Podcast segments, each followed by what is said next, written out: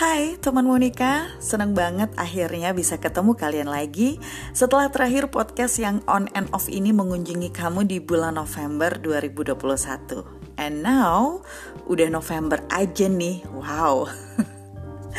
I have no excuses ya, uh, but I do really hope uh, bahwa mulai dari sekarang bakal bisa sharing lebih banyak hal lagi ke kamu dengan harapan waktunya nggak terlalu jauh ya. Karena dari Februari ke November wah itu udah berbulan-bulan banget gitu. Hampir setahun nih. Tapi nggak apa-apa deh ya. Yang penting sekarang udah balik lagi deh. Nah di edisi kali ini Monica Talks bakal ngebahas yang namanya Pepero apa sih Pepero itu? Nah buat kamu yang belum familiar sama Pepero disimak baik-baik deh untuk konten kali ini jadi Peperodi itu comes from snack dengan brand yang namanya Pepero. P E P E R O.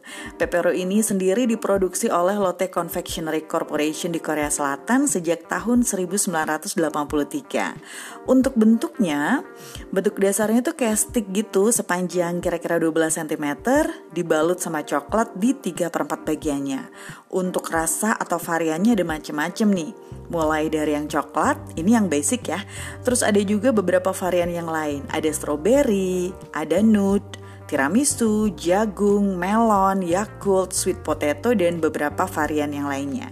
Harganya juga bervariasi rata-rata sekitar 1500 won untuk box yang beratnya 37 gram. Nah, kita balik lagi ke Peperode. Setiap tanggal 11 November diperingatilah Peperode. Sejujurnya kalau mau mencari sejarahnya memang nggak ada keterangan pasti ya kapan mulainya gitu. Cuman dari The Korea Times itu disebutkan bahwa um, Peperode ini sebenarnya adalah strategi pemasaran Kenapa 11 November nih? Nah, mungkin teman Monica pada bertanya-tanya. Alasannya simpel banget sih, karena dua angka 1 di angka 11 ini menandakan dua batang pepero. Nah, mitosnya nih, kalau makan 11 buah stik pepero di tanggal 11 November jam 11 lebih 11 atau bahkan ada yang sampai lebih 11 menit dan 11 detik gitu ya. Orang tuh bisa jadi skinny just like the pepero itself. Dan memang ada sebenarnya ada cerita juga nih saat Peperode dulu gitu ya murid-murid SMA terutama yang cewek mereka akan saling membagikan pepero ke sesama temennya biar bisa tercapai untuk punya skinny body.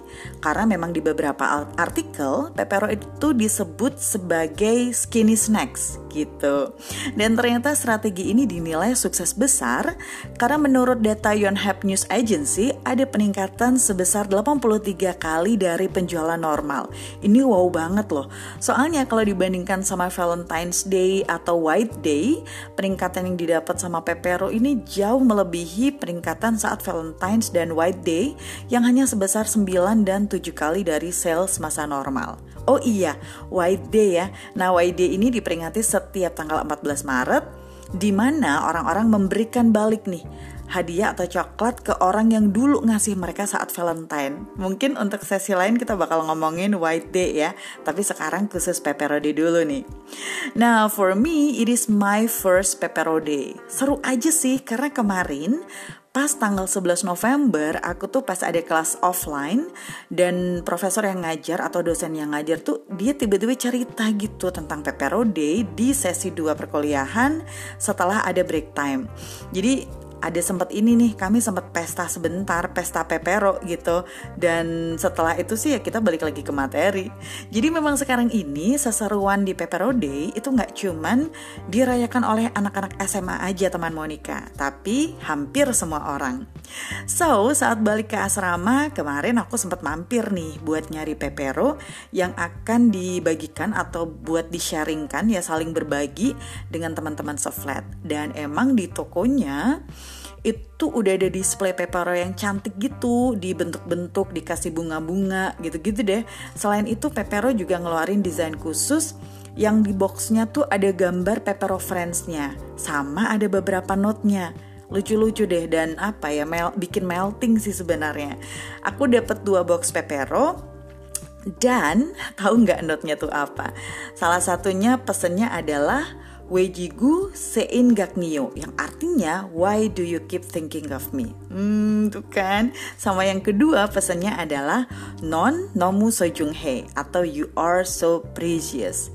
Jadi kalau misalnya kamu ya pas main ke swalayan dan kamu nemu pepero, boleh tuh seseruan aja ikutan pepero deh. Tapi next year kali ya Soalnya sekarang kan udah lewat, udah tanggal, udah lebih dari tanggal 11 November.